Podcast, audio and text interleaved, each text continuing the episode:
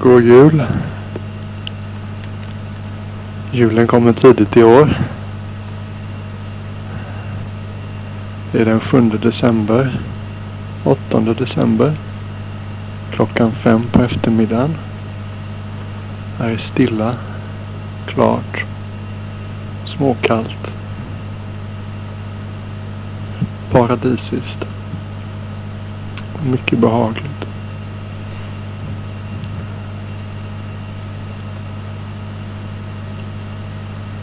När jag tänker på när jag ska göra en kassett till er så kändes det på sätt och vis som att den 16 december vore rätt datum. Samtidigt skulle jag vilja skicka någonting som, eh, som nådde er i god tid innan julafton. Så jag bestämde mig för det senare. Själv känns det som om den 16 december kommer vara min julafton i år. Jag var jag både rörd och stolt över mamma och pappa när jag, när jag fick pappas brev och förstod att ni hade bestämt er för att uh, göra en så generös gest. Det är någonting som jag tycker är så värdigt, en generös gest.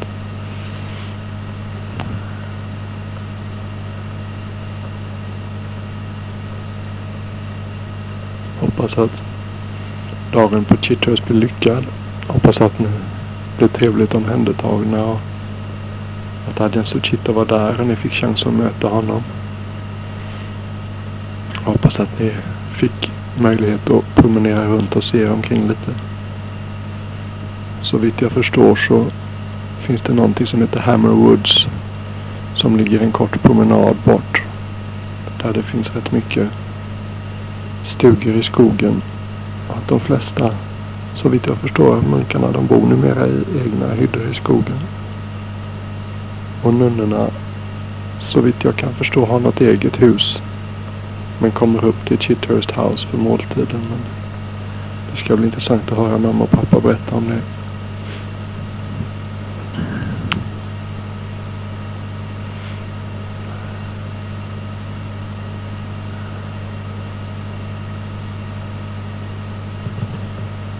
Måtte det vara till er lycka och välgång. Det är jag personligen alldeles säker på att det kommer att vara mycket mer än ni någonsin skulle kunna tro.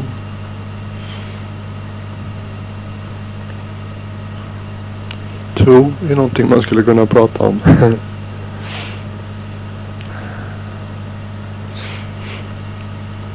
Många kommer till buddhismen som en slags motreaktion på kristendom.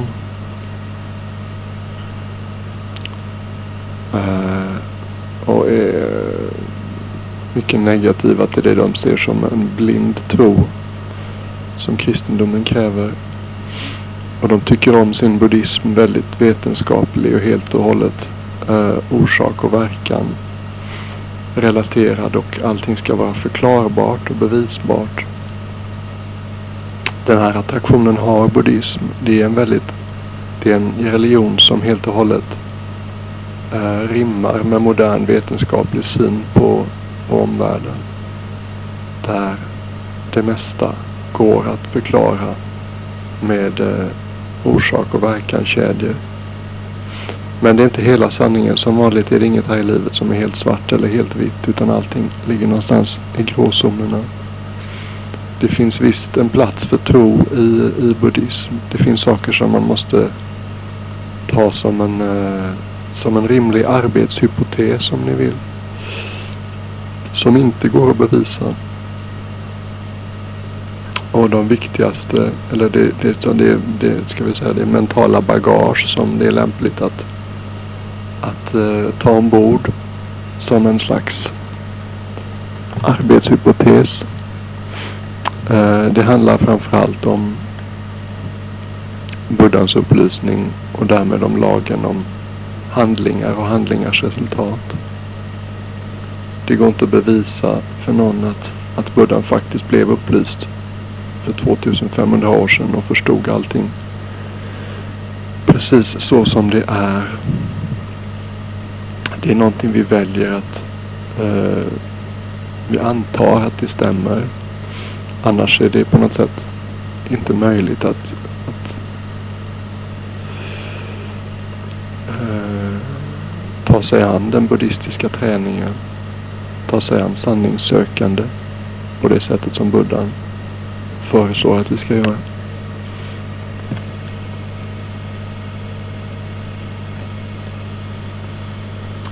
Och eh, när vi, så vi säga, om vi tror på att buddhan faktiskt blev upplyst. Därmed uppstår också då automatiskt en tro på att eh, de utsager, de eh, deklarationer han gjorde om hur saker och ting förhåller sig, de stämmer. och framförallt då lagen om handlingar och handlingars verkan som eh, på sanskrit kallas lagen om karma. Men ordet karma som jag ofta har sagt tidigare är lite olyckligt för det konnoterar till hinduistiska och vedanta eh, uppfattningar om en slags fatalism och det är inte alls vad buddhan eh, upptäckte utan han upptäckte lagen om kamma. Kamma använder vi då som är pali istället för sanskrit han upptäckte att eh, tvärtom, tvärt emot fatalism så är vi, så är vi eh, herrar över framtiden. Genom våra handlingar, mentala, verbala, fysiska handlingar. Allt vi gör, allt vi säger, allt vi tänker och känner. Så skapar vi hela tiden vår framtid alldeles själva. Som vi så väl vet så är det fullt möjligt att skapa ett helvete för sig här på jorden. Vi behöver inte vänta till vi dör för att gå till helvetet. Det är bara att titta på de mest ovisa, själviska och dekadanta människorna som eh, har ett sånt otäckt inre liv så att de kan inte, de kan inte umgås med sig själv ens, ens en dag eller ett par utan att ta droger och ständigt jaga efter rastlös distraktion. Därför det är så obehagligt att umgås med sig själv. Människor som eh, med hängivenhet tar sig an att göra det som är rätt och riktigt. Och låta bli att göra det som inte är rätt och riktigt. De eh, skapar himmelriken för sig här och nu på jorden. Det är väl ingen tvekan om att människor som Moder Teresa och Dalai Lama hör till de mest lyckliga vi någonsin har sett. De utstrålar en, en livsglädje som som det är viktigt att påminna sig om att det är ingen slags eh, det är inte en händelse, det är inte en, det är inte en slump, det är någonting de har byggt i sitt liv.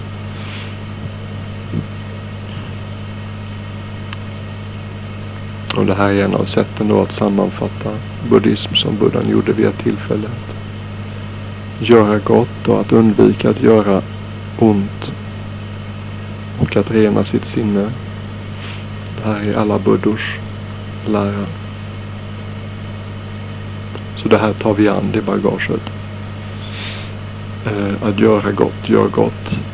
Att göra ont, gör ont. och det är möjligt för en människa att helt och hållet rena sitt sinne från alla former av girighet, okunnighet och aggressivitet.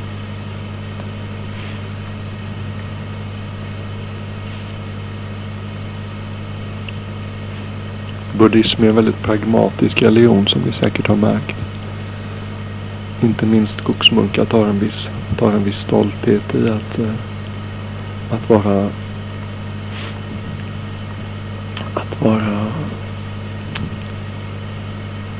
klipska i att hitta hjälpmedel, metoder, tekniker som fungerar just då, just för dem. Hela, hela buddhismens skrifter skiljer sig lite grann därifrån Bibeln eller Koranen som ju har en slags eh, det finns en helighet kring dem. Medan i buddhismen är det då en mer pragmatisk attityd. En slags, ofta ses skrifterna som en enda stor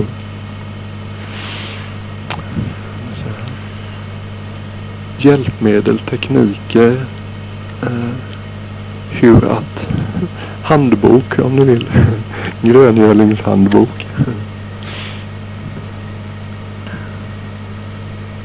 Whatever works.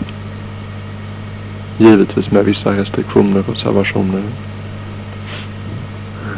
Buddhan satt en gång med sina två chefslärjungar Sariputta och Moggallana. Och eh,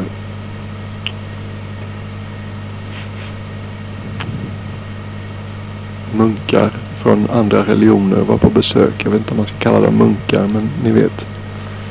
String, eh, kringvandrande vandrare, profeter och visa män som söker sanningen enligt sig själva eller sina eller andra, eller andra lärare. Och så tittade Buddhan på besökarna och så sa han, här sitter mina två chefslärjungar. Sariputta och Moralana. De tror inte. De har ingen tro. De har ingen... De tror inte på min lära. Konstigt, tänkte besökarna. Här sitter han med sina chefslärjungar och så säger han så. De borde ju vara de som har mest tro av, av alla. Så förklarar buddhan att eh, de har nämligen helt och hållet insett sanningen för sig själva. Så att eh, begreppet tro blir helt meningslöst. Jag kan säga att tro har en Tron inom buddhismen har en roll i att tills dess att vi själva har sett, smakat sanningen så använder vi tron som ett redskap. Det är en slags stepping stone. Ett trappsteg som vi använder oss av. Och när vi har själva har sett sanningen så blir det, blir det helt meningslöst med tro.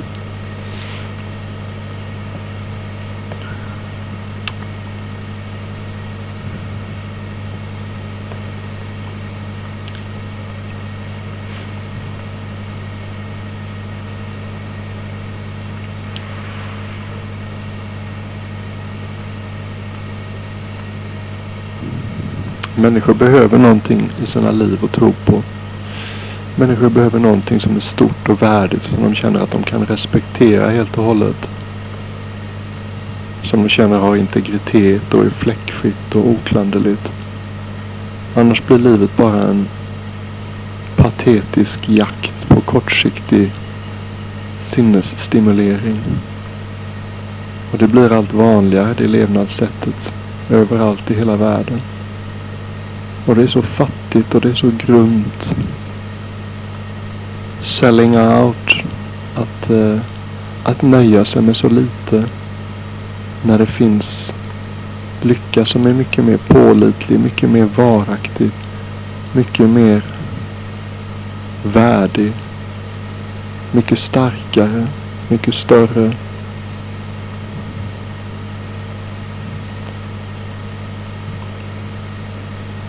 En lycka där andra människor blir kollegor och partners snarare än konkurrenter. En lycka där ju mer av den vi har ju mindre intresserade blir vi av den här låga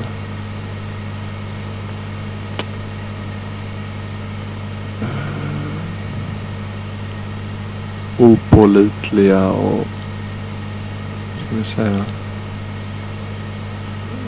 sinnlig stimulering. Det är som om du har en krok i sig.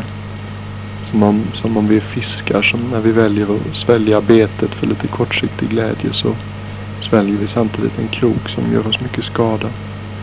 Men det ser vi inte. Vi väljer att inte se det. Vi vill inte se det. Därför alla människor måste måste... Eh, jakten på lycka den ligger i mänsklig natur. Så länge vi inte känner till någon mer högtstående lycka än den rena kortsiktiga sinnesstimuleringen så är vi helt och hållet fast i den. Och vi kan aldrig, vi kan aldrig släppa taget om någonting, ge upp någonting förrän vi får något annat istället. Det är därför sådana här saker som sluta röka är så svårt. För att så länge vi inte helt och hållet är övertygade om att någonting annat som är mer värt och ger oss mer lycka i långa loppet kommer att uppstå när vi slutar röka. Då kan vi inte göra det. Det, är nästan, det finns väl ett fåtal människor som har en slags inneboende nästan oresonlig tro. Ibland när jag ser vissa munkar så undrar jag hur, hur är det möjligt för dem att ge upp allting på det sättet? Uh, utan att liksom ha några garantier om att få något annat istället. Vissa har väl den egenskapen mer än andra. Adrian Chah, han talade ofta om att hans tro fanns där som någonting självklart sedan, sen barnsben. Men för de flesta av oss så behöver vi nog någon slags morot om vi ska våga våga oss på att eh, ge upp saker vi tycker om.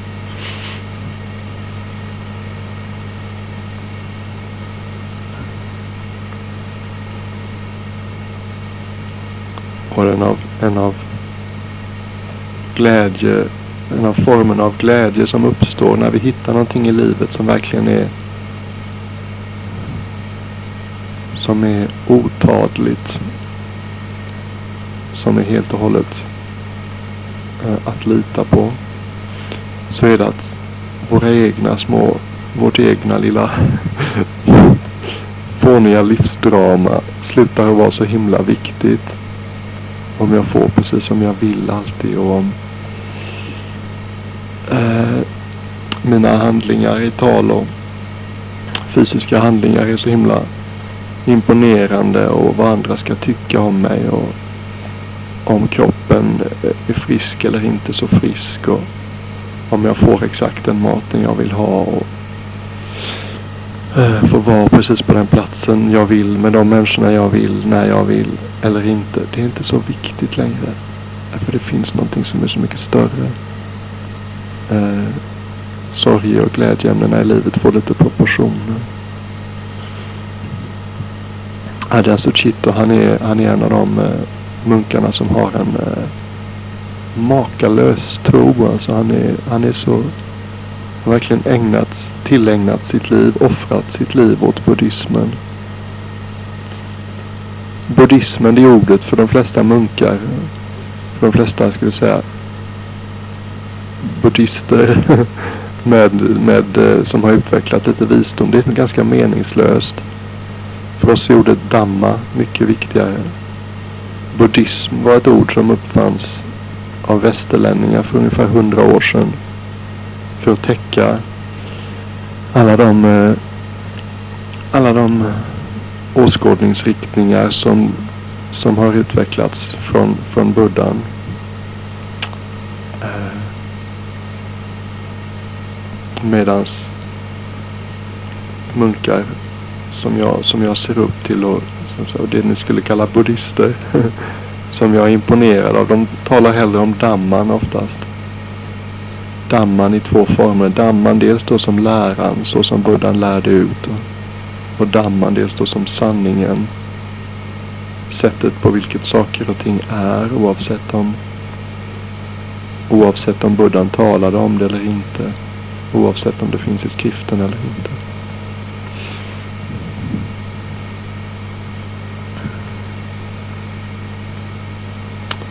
att jag sitter här och är lycklig över att mamma och pappa eh, vid det här laget när ni lyssnar på det här har varit i Chithurst och överlämnat en jättestor gåva som kommer till enorm användning på Chithurst. Att jag är lycklig över det, det är damma. Det förhåller sig så. Det är, eh, det är det mänskliga sinnets natur. Att människan har kapaciteten, människan har förmågan att glädjas åt goda generösa handlingar som människor i ens omgivning gör.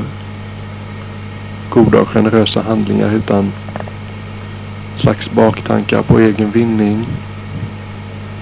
Det här är en, en kapacitet, det kallas mudita. Många kvinnor i Thailand heter mudita. Då och då händer det att västerländska buddhister döper sina döttrar till mudita För det är ett namn som, som funkar hyfsat bra på en västerländsk, västerländsk flicka. Mudita. och det är också en, en härlig och väldigt vacker kvalitet i det mänskliga sinnet. Den här förmågan vi har att glädjas åt andras goda gärningar. En förälder som eh, blir eh, som gläds när dess barn kommer hem från skolan och kanske har fått ett bra resultat på en skrivning eller har lyckats bra i något evenemang, om det är sport eller konst eller vad det nu kan vara. Den sortens glädje, den är en väldigt sund glädje utan någon krok i. Den här förmågan vi har helt enkelt få glädje ifrån de goda och fina handlingarna och glädjen som människor omkring oss har. Medglädje är en ganska bra översättning av mudita tycker jag. Mudita. Så det faktum att jag sitter här och kan glädjas och att mitt sinne ljusnar och blir lättare av det. Det är Dhamma. Sanningen. Sättet på vilket saker och ting förhåller sig. En aspekt av orsak och verkan kedjor i mänskligt inre liv. Och ju längre vi vandrar på Buddhas väg och ju mer vi ser att allt han sa stämmer så är det som om vi har en karta över ett område som vi aldrig har varit i förut.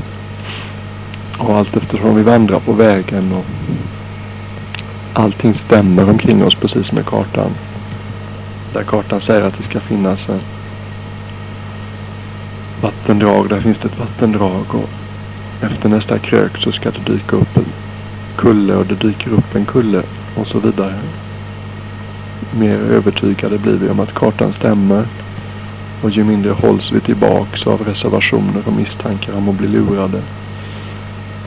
Och ju mer inre kraft och energi och glädje hittar vi för att vandra vägen så gott vi kan.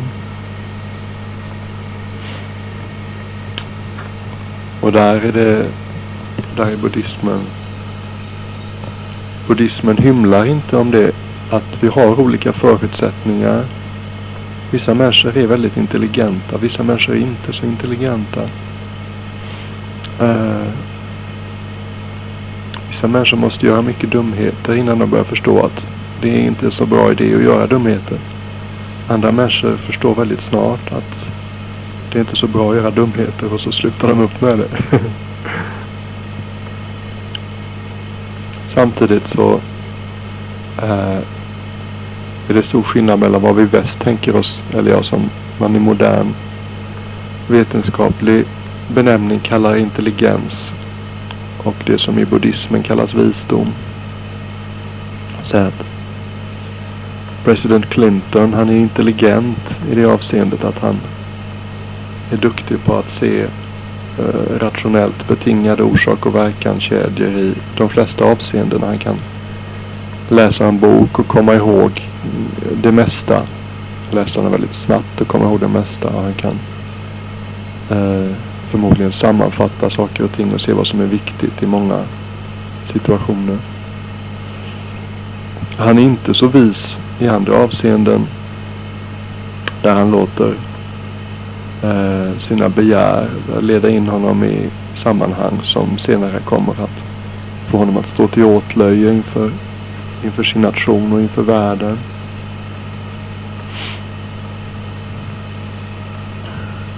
Det är ett sätt att beskriva skillnaden mellan intelligens och visdom. Begreppet emotionell intelligens, känslomässig intelligens, kommer väl närmare visdom men det är långt kvar fortfarande.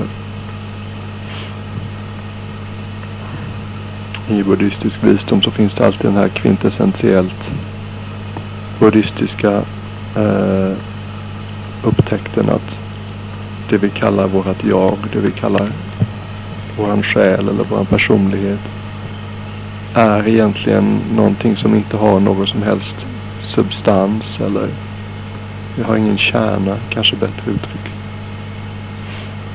Och utan den insikten så kan någonting aldrig vara riktigt vist. Det är därför, ska jag säga, de tre delarna, komponenterna i den åttafaldiga vägen. Moral, visdom och meditation. De stödjer varandra.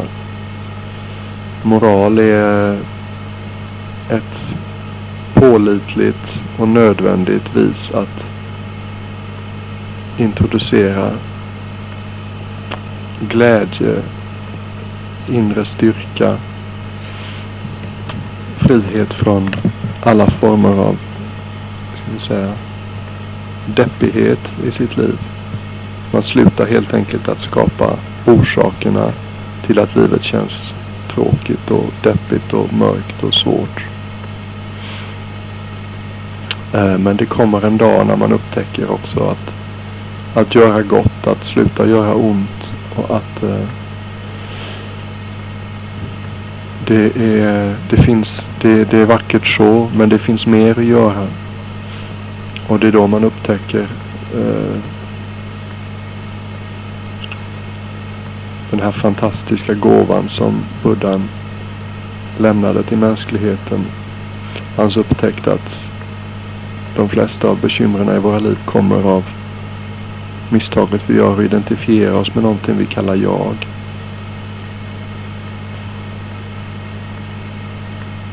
Och det här är svårt att prata om och jag har gjort det förr men idag så tänkte jag inte prata så mycket om det. Jag skulle vilja återgå till begreppet tro. Den här slags, det är en väldigt vacker sak. En slags eh, hängivenhet är ju en aspekt hos tro. En slags, det blir så småningom en oresonlig och orubblig övertygelse om att bara jag gör som Buddhan sa så kommer allt gå väl. Och det stämmer. Det är det som är så fantastiskt. Det stämmer hela tiden.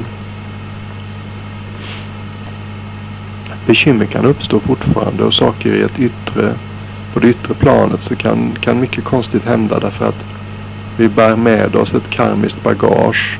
Vad vi har gjort tidigare i det här livet och i föregående liv. Ett par, ett par miljoner olika liv. Eh, de sakerna som vi har gjort och tänkt och sagt i de här liven som inte har haft sitt verkan än. Det ligger där som en slags eh, mina på gott och ont. Eh, och, och, och, och, och så att säga har resultat. Men det här är någonting som buddhister ofta gå vilse i. Det är viktigt att komma ihåg att Buddhan talade om tidigare liv och om nästa liv. Men han, han, han eh, underströk ofta och, no, ofta och ofta och kraftfullt att det är det här livet som är det viktiga.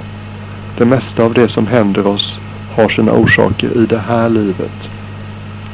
Vad vi har varit i tidigare liv det är bara tomma spekulationer som vi inte vet någonting om.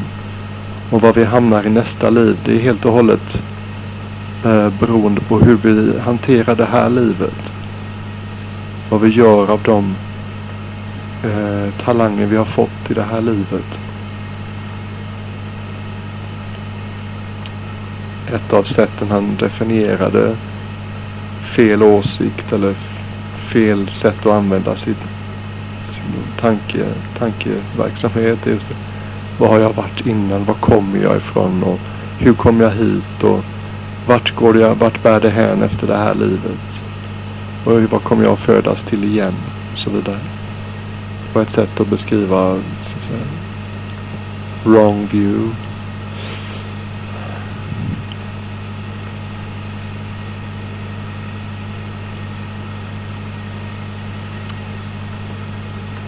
man ser det mycket med Ajahn Sar och han har vid det här laget också utvecklat en närmast total hängivenhet och tro. Han, han är fullt beredd att och, och sätta livet till och kosta vad det kosta vill. Men jag tänker inte gå vilse. Jag tänker följa Buddhas väg till, tills jag kommer fram. Andras Uchitto var jag inne på förut. Han var på, han var på vandring i Indien mellan de fyra heliga platserna för några år sedan. De fyra heliga platserna för buddhister är eh, Bodh Gaya, Där buddhan satt under bodhiträdet och nådde fullständig och irreversibel upplysning om hur allting förhåller sig i 35 års ålder. Platsen han föddes på äh, ligger i södra Nepal. Kommer inte ens ihåg vad den heter. Platsen där han äh, uppgick i parinibbana. Vi säger inte att buddhan dog därför att han dog inte. Buddha nådde odödlighet innan han dog.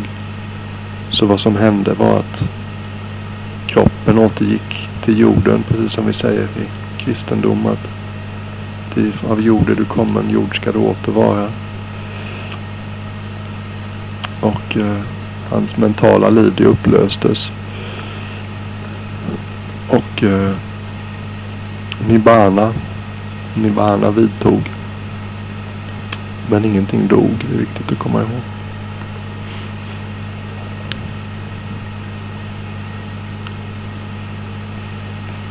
Och den fjärde heliga platsen det är djurpa, eller rådjursparken i Svarnat i Varanasi, Benares.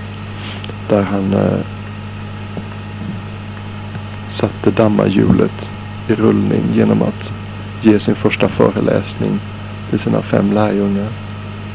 Föreläsningen om de fyra ädla sanningarna. Och det är allt vanligare numera att munkar ger sig på vandring i Indien. Vissa av de här platserna ligger väldigt långt ifrån varandra. Eh, men jag tror att och Adjan Suchito han har varit på vandring flera gånger.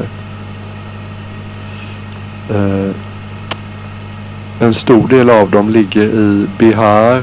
Flera av dem ligger i Bihar eller att vandra mellan dem innebär i alla fall att vandra i Bihar. Som är Indiens fattigaste stat. Det är också den mest korrupta staten. Mest kriminella. Och det är helt enkelt mycket osäkert att uh, vara, vara på väg. Speciellt nattetid. Det finns banditer som uh, är fullständigt hänsynslösa. Och uh, det är bara dumma, det är bara dumma hängivna buddhistmunkar och deras, deras kompisar som, som, som vandrar på de här ställena. Intelligentare människor, de vandrar åtminstone på dagen eller så. Åker de buss eller någonting annat. Och eh, Adja han hade vid ett tillfälle så vandrade han med Nick Scott. Jag vet inte om mamma har träffat Nick Scott men han är en slags, en slags levande legend inom Adjan Chas västerländska lärjungagruppen. Han är den som är ansvarig för eh, skogen i Hammerwoods. Biolog är han väl, antar jag. Han är också den som ofta munkar har anlitat. När Adjan Viradamo var på vandring i Estland så var det Adjan, så var det Nick Scott som följde med honom. Och när Lungpo Sumeto vandrade i eh, Pyrenéerna så var det Nick Scott och Adjan Suchito som var med flera munkar har vandrat med Nick Scott i Indien och Ajahn Amaro som är eh, abbot tillsammans med Ajahn Passano i Kalifornien nu. Han vandrade från Chithurst upp till Harnham i Skottland. Klostret, eller i Skottland ligger det inte men utanför Newcastle. 800 miles tror jag. Och eh, det var med Nick Scott också. Adjan Amaro han beskriver Nick Scott i sina böcker som The Green Giant. Nick Scott är väldigt kunnig om natur och djur och konservering och för bevaring av natur. Hur som helst, Nick Scott och Adjan Suchita de var på väg i det här farliga rövarhärjade Bihar på vägen. Jag vet inte om det var natt eller inte. Och eh, stöter på en ett grupp lokala banditer som kommer och rånar dem på vägen. Och Nick Scott han, han tar bättre fly än illa fäkta och försvinner över en klipp. Jag har inte läst det här utan jag har bara hört i andra hand. Men det kommer ut en bok snart om det inte redan har kommit ut om deras äventyr tillsammans på pilgrimsfärd i Indien. Och rånarna tar precis allt från Adjan Suchito. Hans skål, hans kåpor, hans bälte. En påse full med små buddha-statyer och religiösa föremål av olika slag som folk i England har lämnat med honom och som de vill att han ska ta med. Så att de här föremålen får så att säga besöka de fyra heliga platserna. Alla hans anteckningar. Han, han skriver så bra så att folk hade bett honom att föra dagbok så att han kunde dela med sig när han kom hem om sina upplevelser. Allting tog rövarna. Jag tror de, jag tror de lämnade honom ett, eh, ett, eh, en slags en badhandduk han fick svepa om höfterna. var väl lite allt han hade kvar. Om man ens, jo, jag tror han hade det. Och de har skjutvapen och de har långa svärd och grejer. Och när de har tagit allt ifrån honom så, så, så böjer han sig bara framåt. Och, eh, och blottar sin hals och är redo.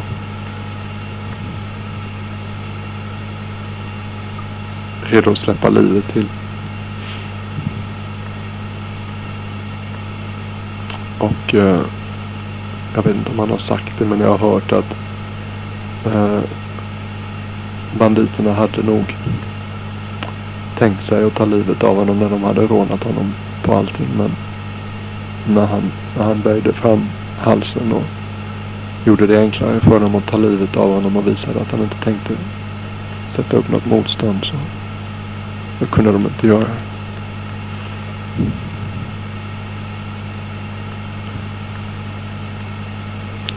Tack och lov har han ett mycket gott minne så att de flesta av deras reseerfarenheter försökte han att minnas igen. Boken, jag har sett manuskriptet, den är ganska intressant därför att de skriver eh, ett stycke vardera omväxlande. Först får man då ett, ett, eh, ett stycke av Nick Scott där han beskriver landskapet de ser passera förbi. Och Hans intresse ligger då mycket i det fysiska landskapet och terrängen och vad den berättar om vilken natur som har funnits innan och hur naturen har gått igenom förändringar. Mycket praktisk man och hem, handlingens man. Och sen kommer Rajan Suchitos beskrivningar och han är då en mycket ganska abstrakt, eh, mycket cerebral person som inte alls är speciellt hemma i den praktiska verkligheten.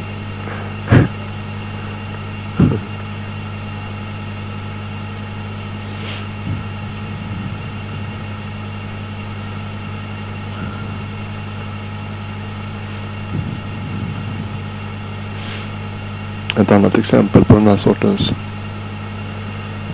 orimlig, oresonlig och underbar hängivenhet och tro och övertygelse. Det är Ajahn Jayasara, han, han har mycket av det. En slags... Ibland känns Ajahn Jayasara som en ängel som, som har kommit på besök. Eller någon som kanske har varit ängel i ett tidigare liv. Och som är väldigt naturligt renhjärtad och inte har långt kvar tills han eh, får smaka de avgörande och slutgiltiga frukterna av buddhistisk träning. Ajahn Chah var sjuk i många år. Han hade hjärnödem med oerhört smärtfyllda vattenansamlingar i hjärnan som periodiskt måste tömmas. Och eh, större delen av kroppen var förlamad under nästan tio år. Och eh, Sangan i Wat Papong som ni har märkt, mamma och pappa i alla fall, och bröderna i viss mån så är många av munkarna i Isan det är liksom bun, bundpojkar utan någon större utbildning. Med, eh, med den lant, med lant, lantbons naturliga respekt för staboa, stadsbor och folk med position i samhället och folk med akademisk bakgrund. Och därmed är de ganska vilse när det gäller att eh, samarbeta med till exempel läkare. Och under Ajahn Chahs sjukdom så var det de västerländska munkarna som fick ta mycket av ansvaret för att, för, att, för att han skulle få bästa möjliga vård. En munk var ansvarig för att bygga en speciell byggnad som mamma och pappa kanske inte kommer ihåg men i närheten av Chedin stupan, den stora vita eh, relikvariet där Rajan Chahs kvarlevor finns. Så fanns det ett hus där Rajan Chah vårdades under sina sista år. Och det var en västerländsk munk som var ansvarig för det bygget då. Det var ofta de västerländska munkarna som hade kontakten med läkare och som hölls mest välinformerade om exakt vilken hälsostatus Ajahn Chah hade och vilka beslut som måste tas. Och Ajahn Chah är som en sällsynt kapabel man. Ung som han var fick han ta väldigt mycket ansvar tidigt. Och vid ett tillfälle när han såg Adjan Chah ligga på sjukhussängen och skaka. Hela kroppen var fullständigt bara skakade i smärtkonvulsioner. Han kunde inte göra någonting. Så bestämde han för sig själv att tills dagen då Adjan Chah blir frisk igen. Eller tills dagen som Adjan Chah dör. Vilket som vara månde. Så tänker jag inte lägga mig ner igen.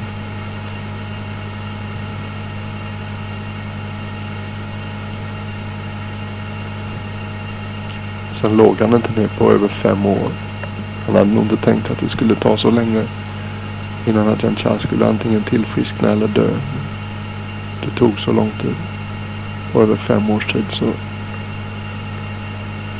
så satt Ajahn Chah upp när han sov och låg helt enkelt inte ner överhuvudtaget.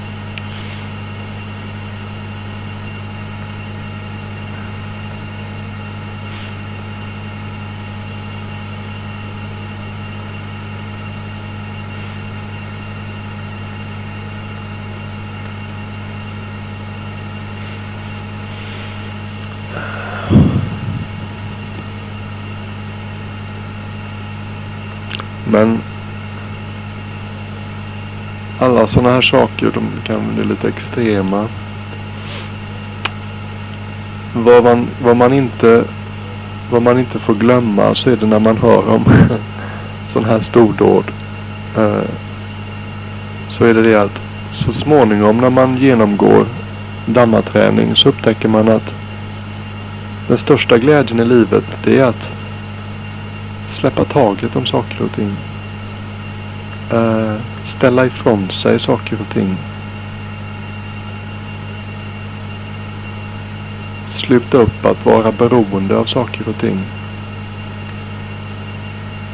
Och när man gör det så Buddhan kallar det här the joy of renunciation, the bliss of renunciation, the blessing of renunciation. Uppgivandets eller avståendets glädje och välsignelse och lyckorus.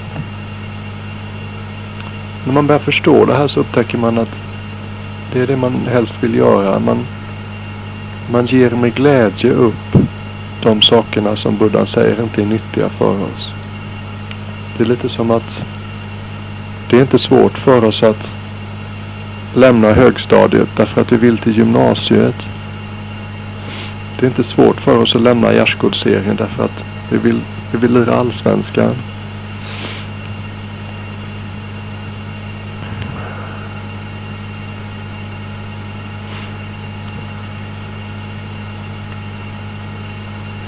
Det är inte svårt för oss att lämna slummen.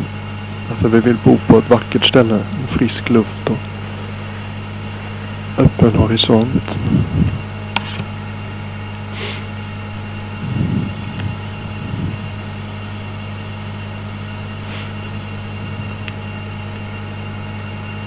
Om vi får ett annat, en annan, ett annat, en annan relation till vår kortsiktiga ska säga, bekvämlighet. Det blir inte så viktigt längre.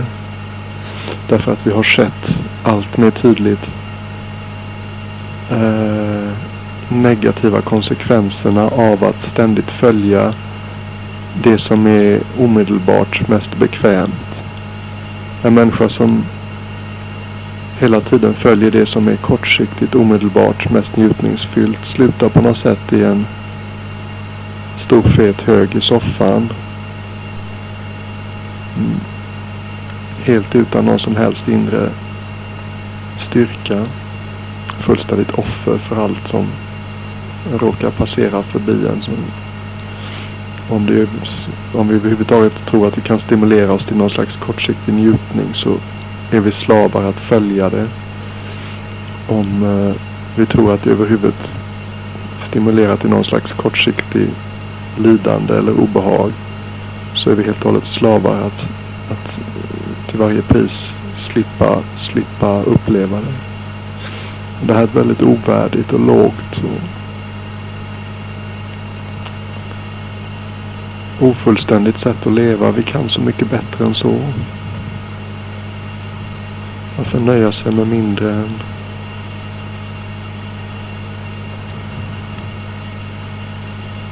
Total, irreversibel, helt och hållet pålitlig, obegränsad, tidlös, varaktig. Och sanslös glädje.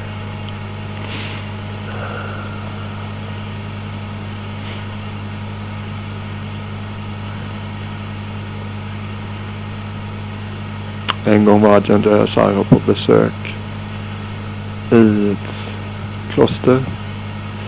Det var Ajahn Chah-klostren tillsammans med Ajahn Chah. Ajahn Chah hade som sagt mycket av den här. I hans fall så var det då en människa som var fullt och hållet upplyst. Som, som vi kan säga tro hade, behövs inte längre för honom därför att han, han lever i damman. Han lever helt och hållet i, i sanningen. Och de bugade sig för buddha-statyn. Det, det seden kräver att när en, en buddhist, framförallt en munk, besöker ett tempel så det första man gör det är att man går in till eh, den huvudsakliga buddha-statyn och så bugar man tre gånger Buddha, Dhamma, Sangha. När Ajahn Chah hade bugat sig tre gånger så vände han sig mot Ajahn Jayasar och så sa han om du verkligen